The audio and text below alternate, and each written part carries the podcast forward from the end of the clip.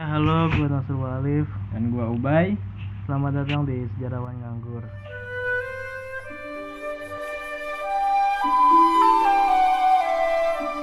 Iya, jadi gimana nih bos?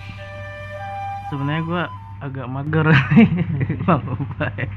Agak mager gue, ya Allah. Tapi karena podcast ini sebagai pelampiasan mager dan gabut, kenapa jadi tambah mager ya udahlah. Dilanjutin aja seperti itu. Tapi setidaknya sebagai komitmen awal ya buat kita tetap Anjay. jalan. Masa- Iya benar sebagai komitmen awal kita karena kita menjanjikan hari Rabu sekarang. Dan ini kebetulan bukan kebetulan sih. Dan ini adalah episode pertama di playlist sejarah di podcast Sejarawan Nganggur. Basically episode 1 tapi eh, sebenarnya actually ini episode kedua karena kemarin jika dihitung perkenalan itu episode pertama gitu Bang Ubay ya. Iya, iya.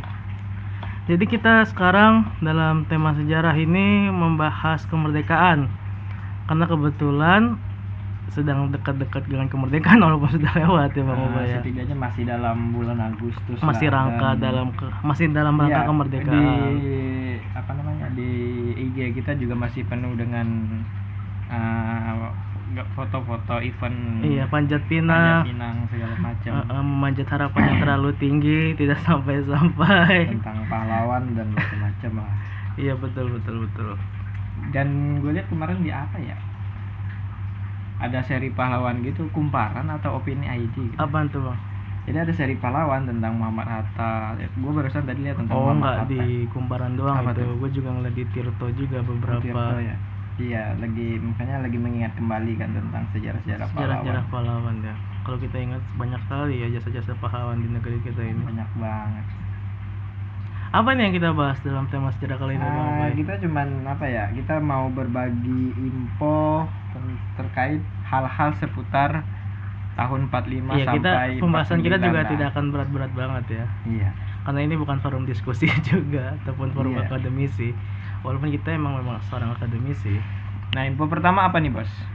info pertama bahwa Indonesia tidak dijajah 350 tahun Ya, seperti kita ketahui, Indonesia itu kan dalam catatan-catatan sejarah waktu kita masih SD, SMP, sama SMA mungkin juga sudah ditanamkan Ke- stigma iya, Indonesia Stigma bahwa Indonesia itu dijajah sama Tiga setengah tiga abad. setengah abad. Itu sesuai sama pidatonya Soekarno kan oleh Belanda oleh Belanda. Tapi Soekarno juga berpidato untuk menyemangati pejuang-pejuang. Kita itu udah jadi jajah terlalu lama itu. Tapi memang itu bagian dari hiperbolisasi perjuangan Iya. sih, supaya menggebu-gebu. Kita udah dijajah lama nih, masa mau lagi dijajah? Nah, in- eh, kalau dihitung dari VOC masuk, itu kan VOC masuk tahun 1598, abad 16. oh ya abad 16. 1598. Nah, tahun 1600 VOC berdiri. Belanda tuh masuk Cornelis de Houtman tuh Cornelis Houtman ke 1968. Banten dan itu pun tidak disambut Iya, dengan disambut baik. dengan baik karena, karena mereka petang-tang peteng-teng ngocol, minta ditampol mereka emang. mendapat keuntungan di timur daerah Maluku kalau nggak salah. Di Ambon ya. Ya ampun.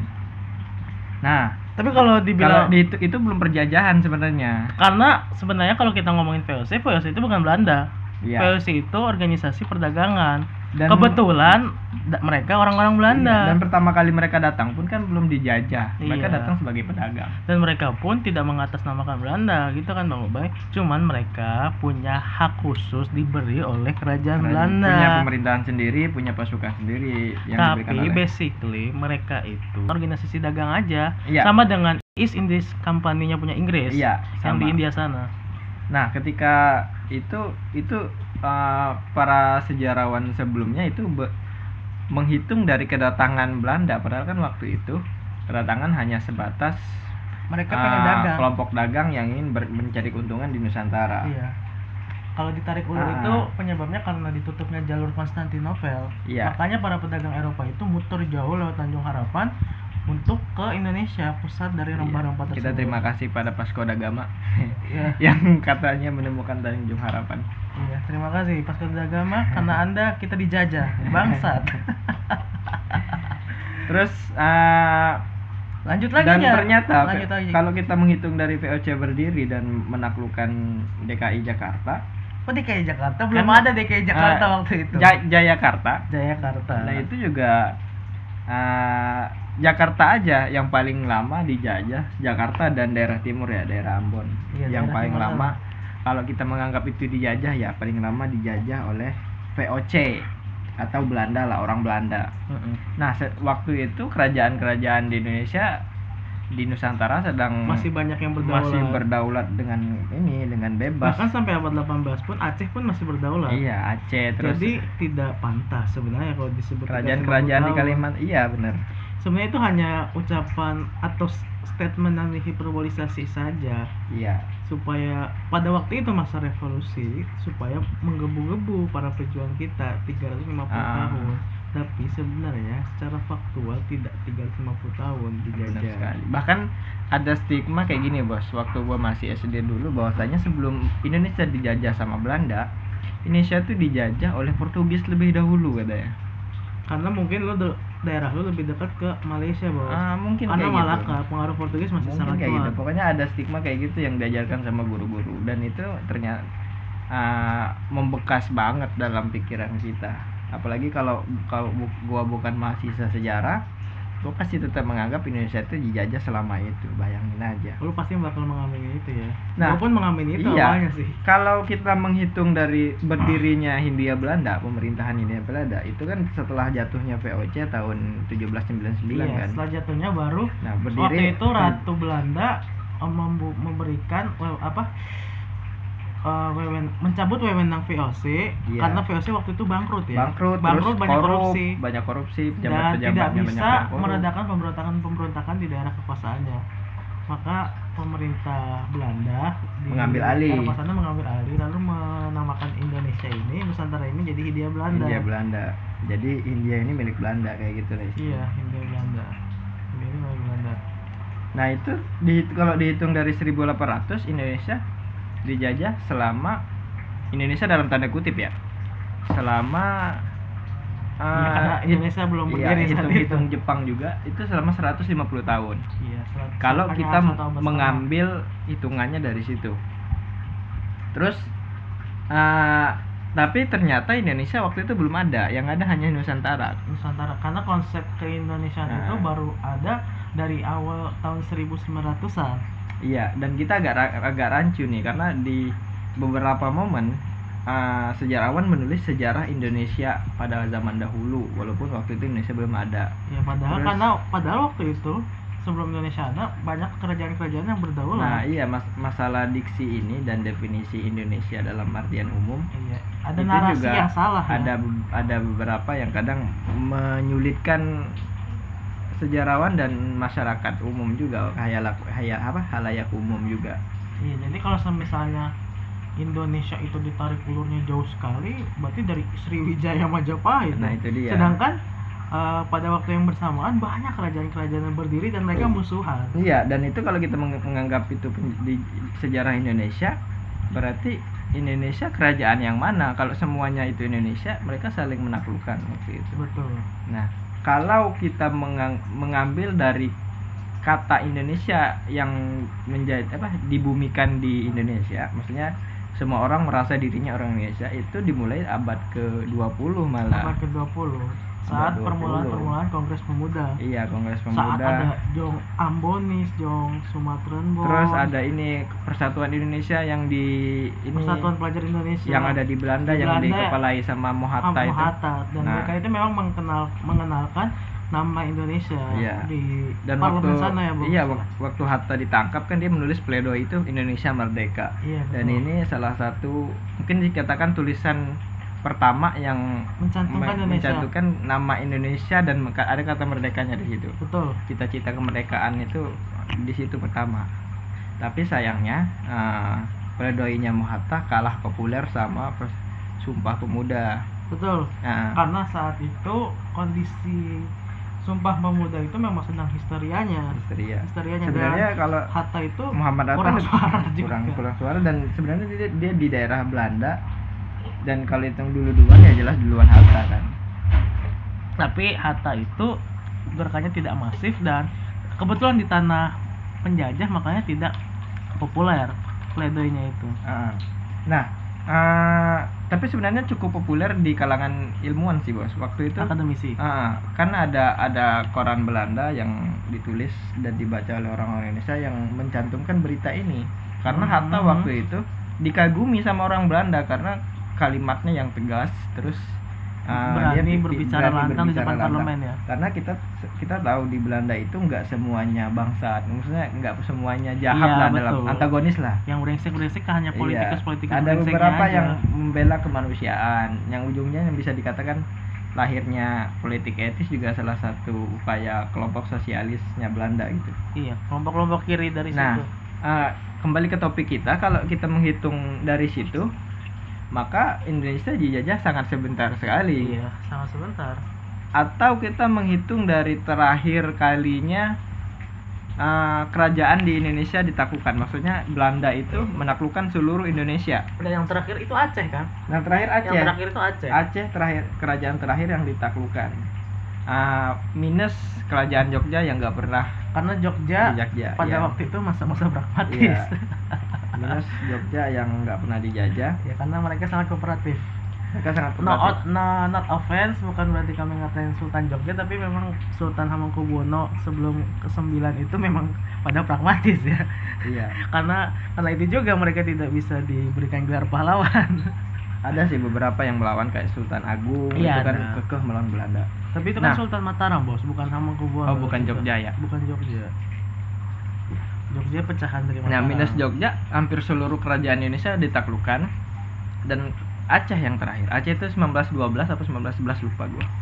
Nah kalau 1911, dihitung dari abad- situ abad 20 Indonesia ya. cuma dijajah tuh sekitar berapa puluh tahun ya?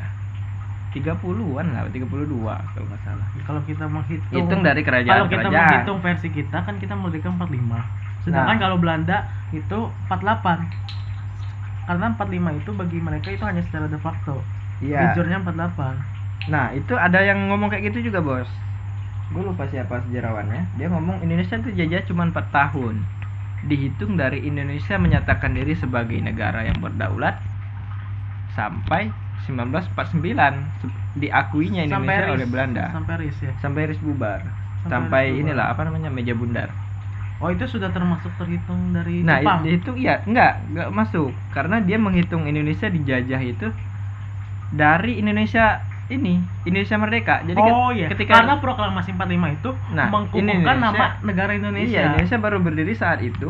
Baru ada Indonesia nih. Sebelumnya nggak ada Indonesia. Hanya hanya sebatas teori dan konsep nama dan konsep. Oh iya, Kalau betul, dalam betul, bahasa ininya itu jadi ada berbagai ah, versi di sini Iya, ya. am- hanya sebatas imajinasi lah kalau men- kalau menurut iya si sih apa? Ah, cukup masuk Benedict Anderson. akal. Nah, ini setidaknya wawasan-wawasan kayak gini di, di- inilah dikasih tahu kepada siswa-siswa di sekolah.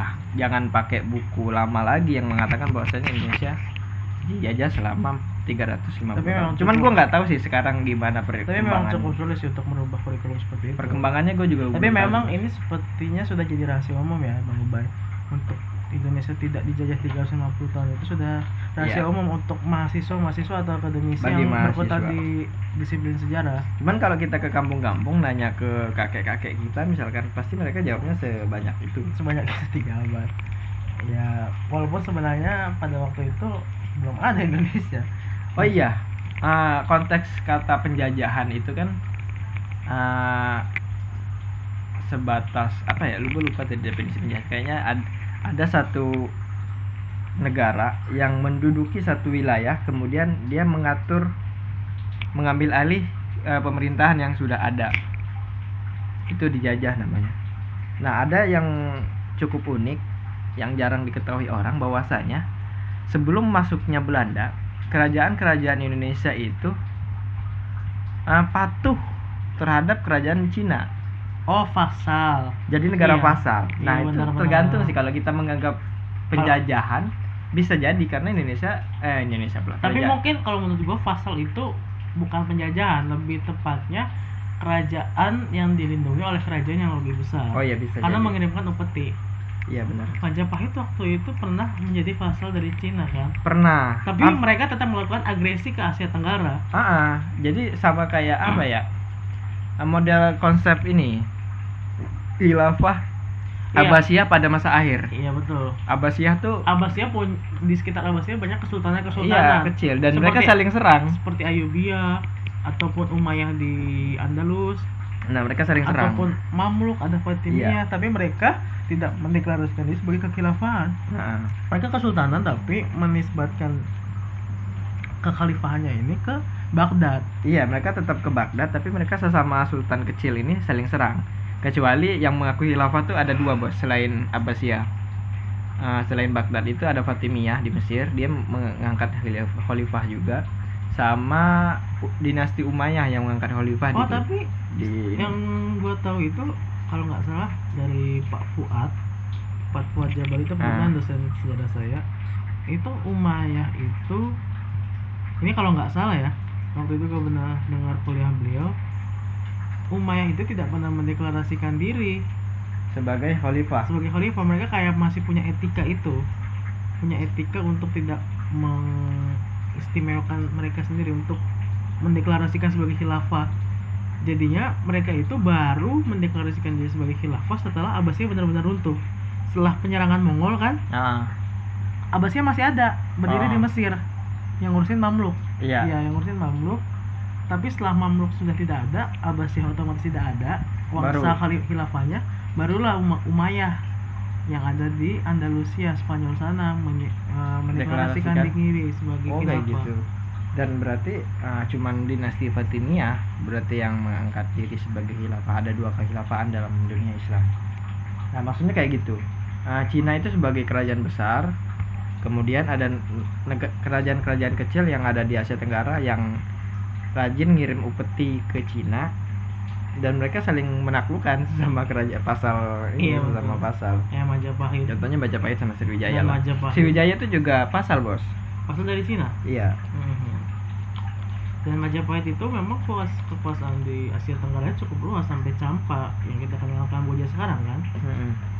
Untuk daerah Semenanjung Malaya itu memang sudah dikuasai bahkan sampai ke tanah Papua sana. Iya. Majapahit itu. Jadi kita nggak bisa melihat sebelah mata sama orang Cina keturunan Cina ya yang bersuku Cina di Indonesia karena mereka juga sebenarnya ya Secara tidak udah langsung- lama Secara tidak langsung pernah menguasai gitu. udah misalnya nggak sekedar menguasai misalkan yang menguasai kan itu kerajaannya kalau orang-orangnya kan mereka emang udah lama ada di Indonesia dan udah dari kapan tahu dan Iya, mereka iya. berdagang jangan-jangan kita juga keturunan pendatang misalkan India Arab misalkan boleh jadi, boleh jadi bercampur jadi. gen kita. Walaupun dan jangan-jangan kita juga orang Cina. Iya, kalau kalau ditelusuri juga kita kan Iya. orang-orang Yunan ya. Di bukunya Ong Hokam itu kalau nggak salah hampir 80% warga Surabaya itu itu keturunan Cina katanya. Tapi mereka nggak sadar. Anak kota pelabuhan. Iya kayak gitu. Oke, balik ke topik nih kemerdekaan. Balik ke Terlalu topik. melebar nih. Terlalu melebar tadi kita sampai ke Cina-Cina. Nah, terus apa lagi nih fakta selanjutnya ya? Ah, selanjutnya, ini pemerin perintah perintah kenegaraan pertama. kenegaraan pertama itu Soekarno ternyata nggak memerintahkan untuk jaga perbatasan atau ayo kita bikin undang-undang bersama atau membuat parlemen baru Iya, sama segala macam. Nah, ternyata yang pertama itu justru yang hal yang lucu gitu. Hal yang lucu dan paling mendasar, tapi ini cukup penting Pak Ubay. Iya. Karena kalau tidak ada ini tidak ada pergerakan. Kita tidak mereka tidak bisa bergerak untuk kemajuan bangsa apa, Indonesia. apa coba tuh? apa coba? Beli sate. Luar biasa, Bung Karno masih bisa lapar ya. Ini menunjukkan bahwa dia manusia biasa. Mungkin kayak kita kali ya, habis Habis selesai pelantikan. selesai uas lah, selesai uas. Selesai uas. Wih, habis uas nih, yuk jalan-jalan ke puncak gitu, bukan bakar, tapi dia nggak habis merdeka nih. Gitu. Habis merdeka nih. Ayo hatta hatta, eh. tukang sate nih dan gue yakin itu tukang satenya itu apa ribut-ribut rame-rame? Kemerdekaan kemerdekaan kemerdekaan naon sih? Ya udahlah yang penting sate gue laku. Gitu. Iya, satenya tidak memikirkan proklamasi itu apa yang penting saya dagangannya laku 50 tusuk. Dan gue sempat memikirkan dulu tuh uh, ketika proklamasi diproklamirkan oleh Soekarno dan Hatta di Jalan Pegangsaan itu. perasaan dua. Pegangsaan Timur itu. uh, apakah seluruh orang Indonesia uh, tahu ketika apa bahwasanya telah terjadi peristiwa penting buat bangsa radio ini. bos lewat radio Nah, ternyata benar, ternyata radio sangat berperan. Itu radio antara itu wis keren banget. Terus radio yang dan radio anta- Jepang. itu memang awalnya radio underground ya Iya. radio dengan jaringan ilegal itu Iya. Nah, emang keren banget. Dia berhasil setidaknya dalam waktu lima hari membuat setelah setelah dibacakan proklamasi itu seluruh pergerakan ya orang-orang pergerakan nggak semuanya itu mengetahui seluruh orang-orang pergerakan yang ada di Indonesia itu tahu bahwasanya Indonesia sudah diproklamirkan. Ka- Ada beberapa yang diam karena nunggu instruksi selanjutnya, ada yang langsung berontak, langsung mengambil eh, alih ya. alih Markas militer. markas militer Jepang atau yang langsung frontal apa kibarkan bendera merah putih kayak gitu di depan rumah atau di apa di tempat-tempat yang umum lah kayak Soalnya di memang kan di Jakarta sendiri pun kan sempat huru hara karena awalnya pengen di lapangan Banteng Nah, di Keda lapangan di iya. Keda tapi dipindahkan oleh Dipindah Laksamana Maeda karena depan. tahu di situ banyak orang Jepang makanya Hmm, yaudahlah menteng coy menteng. Yoi menteng. Makanya disuruh pindah karena yaudahlah rumah gua aja nih santuy. Adem lagi kan punya tukang sate lewat Eh, Yaudah. dia, dia dia dia tetap di ini bos tetap pembacaannya tuh di depan rumahnya Soekarno kan Iya, rumah orang Arab itu lupa gua tapi yang dikasih tapi Soekarno. di Laksamana Maeda itu untuk menyusun iya menyusunnya untuk rapat-rapat cantik Iya, rapat-rapat lah. Nah, eh, di daerah ternyata cukup respon re- responsif ketika mendengar ini. Sebagian besar itu siap siaga.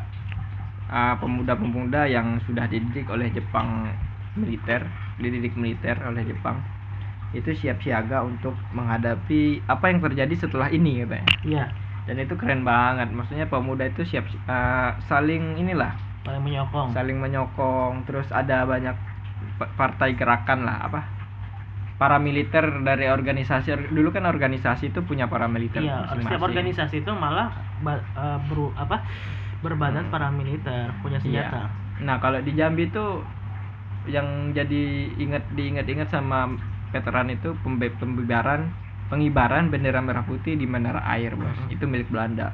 Dan itu diingat banget sama sejarawan Jambi dan para para Oh iya, veteran-veteran. satu lagi bos, Laksamana Maeda ini, apa saya kasih tahu walaupun dia orang Jepang dia bukan wibu ya bangsa, dia bukan wibu. Ingat itu tidak ada wibu yang mendirikan republik ini. mungkin waktu itu ibu belum ada kan Belum ada, jadi tidak usah nih wibu-wibu yang mengaku Laksamana Maeda sebagai wibu. Capek-capek pejuang memerdekakan ada. Ada. Teman saya namanya Tri Raharjo, dia ini wibu bangsat ini. Aku ngaku Laksamana Maeda sebagai wibu. Kesel sekali gua. Apaan? Capek-capek Soekarno memperken apa memerdekakan Indonesia. Jadi wibu lu anjing. tapi emang Jepang tuh kadang agak ini agak dilematis gitu mereka tuh ada beberapa orang yang ini Ya. sangat cinta sama anak didiknya yang ada di Indonesia terus beberapa yang pro Indonesia kayak gitu Iya, iya betul.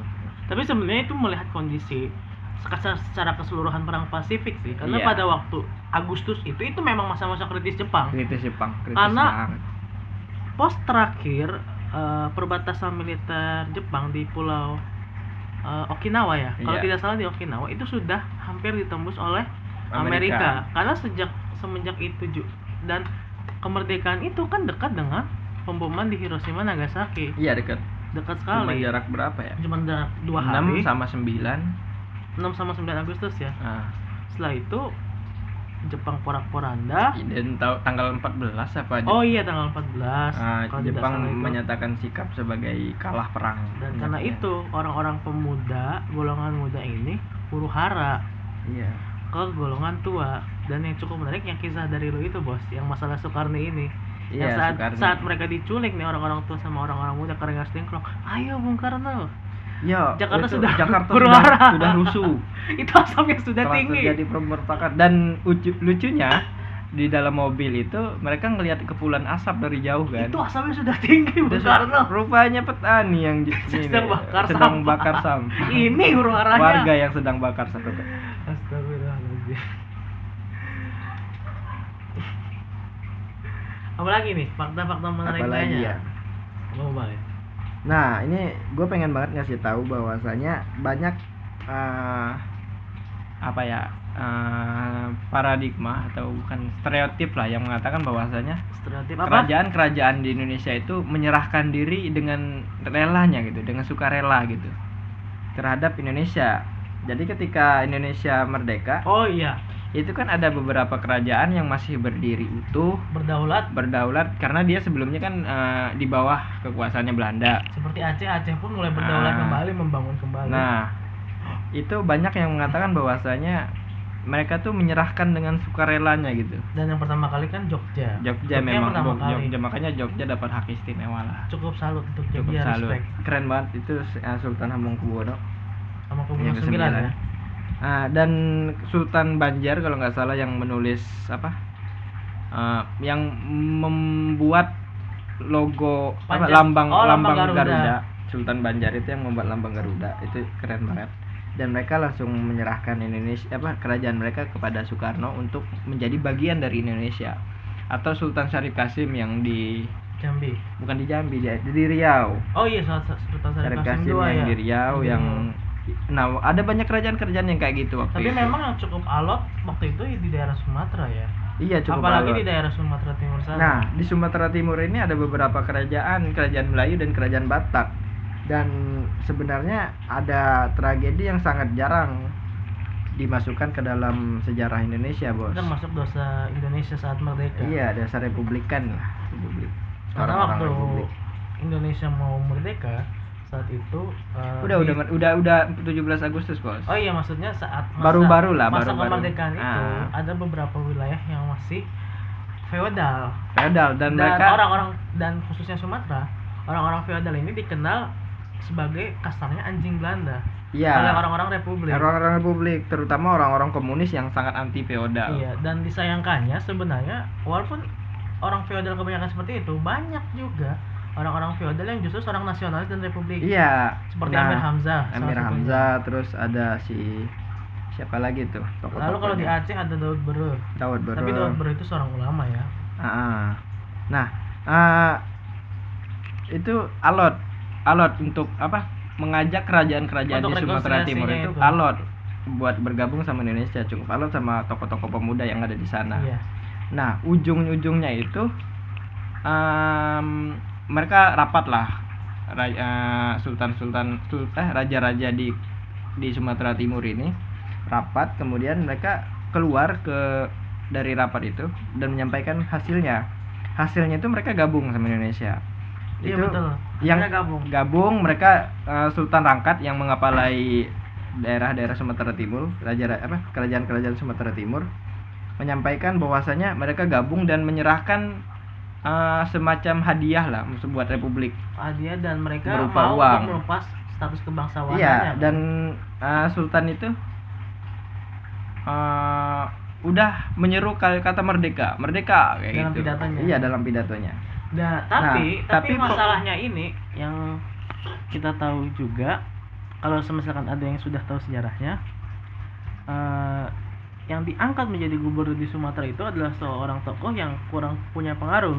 Ya Bang Ubay ya. nah iya Tokoh Muhammad Hasan. Muhammad Hasan ini kurang pengaruhnya Muhammad Hasan ini kurang pengaruh. akhirnya dia pergerakan pemuda itu kurang terkontrol sama dia Uh, pemuda nggak percaya sama pendapat apa sama pidato yang disampaikan oleh Sultan Langkat Sultan ini Langkat akhirnya ini. pada 4 Maret itu Meletus. ter- meletus revolusi sosial di mana kerajaan-kerajaan di Sumatera Timur itu uh, dibantai. iya para bangsawannya dibantai, ya bisa bisa sultannya banyak yang mati anak-anaknya kenapa disebut revolusi sosial? Karena pelakunya ini adalah orang-orang sosialis. Uh, sama ini Oh. karena semangat mereka itu semangat sosial bahwasanya mereka menentang feodalisme Iya, betul.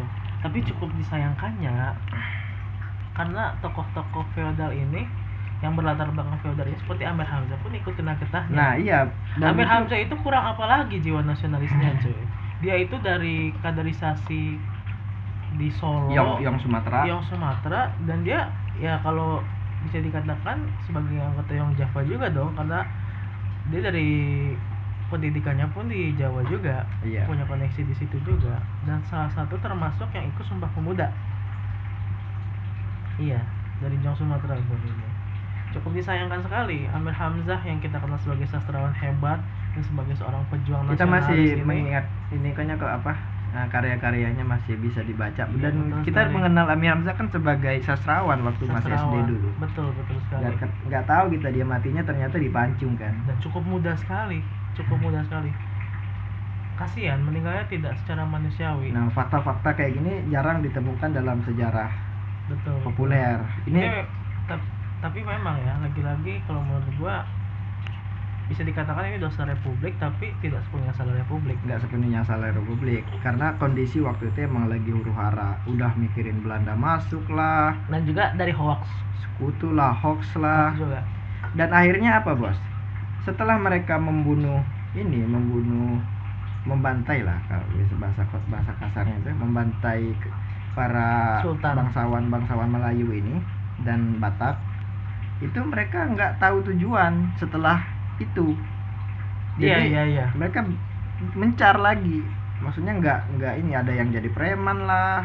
Nah mereka ini emang benar-benar orang yang dia mengaku republik tapi hanya sebatas republik ini republik KTP KTP lah. Iya, nggak seperti itu. juga lah, tapi, Jadi ya, tapi republik- semacam itulah jadi semacam orang yang mengaku republik tapi tidak kafah iya kerepublikannya tapi sayangnya peristiwa ini di- disetujui sama pemerintah juga sayang maksudnya nggak walaupun nggak setujui tapi pemerintah tutup mata sama hak peristiwa ini tapi setidaknya kita sudah tahu fakta-faktanya tidak Iya. tertutup-tutupi nah ini dan setiap tahun pun juga kan ada peringatan atau haul di sana di Iya. angkat sana ke apa eh, mera- bukan merayakan sih eh, mengenang kedukaan saat penyiksaan Iya, revolusi sosial itu. sosial di Sumatera Timur sana sejarah ini cukup komprehensif ditulis oleh Anthony Red di bukunya sejarah Iya. buku sejarah Sumatera dan, ya? dan cukup disayangkan juga ternyata yang justru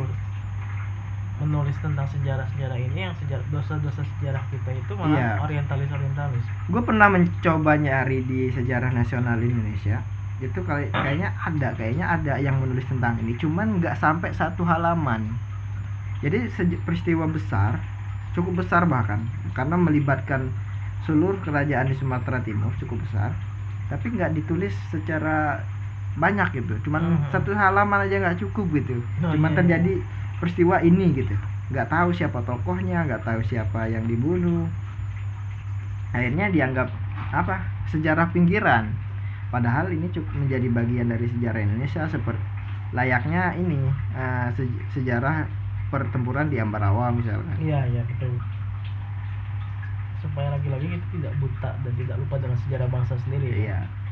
Karena nyatanya kita selama ini uh, menjadikan sejarah uh, Bandung Lautan Api misalkan atau sejarah uh, per 10 10 apa? 10 November 10 November itu kan menjadi sejarah nasional kan. iya betul Padahal itu kan per- peristiwanya lokal.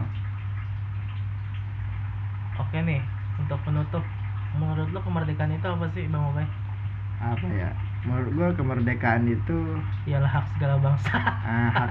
Itu Bebas. 45 bebas sih, bebas. bebas apa? Eh, bebas menyatakan sikap, bebas menyatakan pendapat, terus bebas mengekspresikan diri sendiri. Dan eh, tidak terlepas dari kebebasan orang lain juga. tapi jangan sampai kebebasan lo mengganggu kebebasan orang lain. Nah, iya, itu kemerdekaan. Eh, seperti inilah peristiwa apa? Aksi kelompok Papua yang orang Papua yang ada di Sumat di Surabaya. Jadi oh yang mereka kemarin ini iya, mereka aksi di Malang bukan Eh, di di Malang ya? di Malang yang mereka asi untuk meng ini untuk memis- memisahkan diri dari Indonesia. Jadi mereka menyanyikan lagu Bintang Kejora di situ mengibarkan bendera Bintang Kejora. Tapi menurut gue itu sah-sah aja. Sayangnya kan ada beberapa oknum oknum-oknum yang mengaku nasionalis, nasionalis yang enggak dan yang sangat disayangkan itu mereka mengatai dan menghina dengan ya bahasa yang rasialis dan yang mereka serang itu adalah asrama Papua padahal yang kita tahu belum tentu orang-orang atau mahasiswa-mahasiswa Papua itu adalah orang yang pro dengan referendum betul Iya. sekali Iya benar. Nah, menurut gua kalau bagi gua kemerdekaan itu kalau mengutarakan pendapat seperti yang dilakukan oleh mahasiswa yang aksi itu itu sah-sah aja. Kecuali mereka udah separatis misalkan udah ngebunuh sudah penduduk. senjata iya itu udah beda lagi. Makanya gue cukup senang sama pergerakannya kaum HTI karena mereka verbal. Mereka tuh nggak pernah ngomong kita harus membunuh. Nggak pernah. Iya, yang gue temuin kata-kata itu dari kelompok-kelompok HTI mereka cukup elegan untuk memainkan itu. Ya walaupun memang eh, sampai sekarang pun organisasinya di ya iya di Bredel ya itu itu pemerintah lah urusan Iya pemerintah pemerintah lah. Walaupun gue pun tidak sepakat Iya. juga. Tapi Gua ya, sepakat sama itu, HTI-nya, Itu tapi- lagi. Tapi untuk kebebasan untuk menyampaikan pendapat, it's okay. iya Sekarang gue nih, iya gue nggak ditanyain. apa tuh menurut lo gimana bos Kalau gue sepakat dengan ucapannya Pram, kemerdekaan itu adalah saat lu adil dan merdeka sejak dari alam pikiran. Itu saja sih. Yoi, Iya, mantap mengutip dari Pram, mengutip doa. Aduh. Oke, kayaknya cukup di sini aja Cukup ya, ya, Bapak. cukup. Cukup lama kita ngobrolin tentang merdeka nih. Jadi, merdeka itu ialah hak segala bangsa kawan-kawan. Yoi, seperti yang tertera di undang-undang kita Iya, merdeka. Jadi Keren lah pokoknya. pertanyaannya, apakah kita sudah merdeka atau belum? Tergantung pada diri kita masing-masing Tanya pada diri kita masing-masing, tanya pada bangsa kita sendiri. Ya, Hmm. terima kasih. terima kasih Terima kasih. tapi jangan ada ngomong kita belum merdeka sih kata gue bos Apa tuh? karena kita masa pahlawan kita udah ngomong merdeka merdeka udah mati matian Maksud gua Indonesia sudah merdeka sebagai negara, tapi Iya. merdeka dalam hal lain. oh iya Seperti itu. ya Iya, ditutup dadah. aja Dadah. yuk selamat malam selamat siang atau selamat pagi Iya, pokoknya sampai sama- jumpa di sampai jumpa ahli kubur. Selamat ahli kubur. sampai jumpa di episode berikutnya.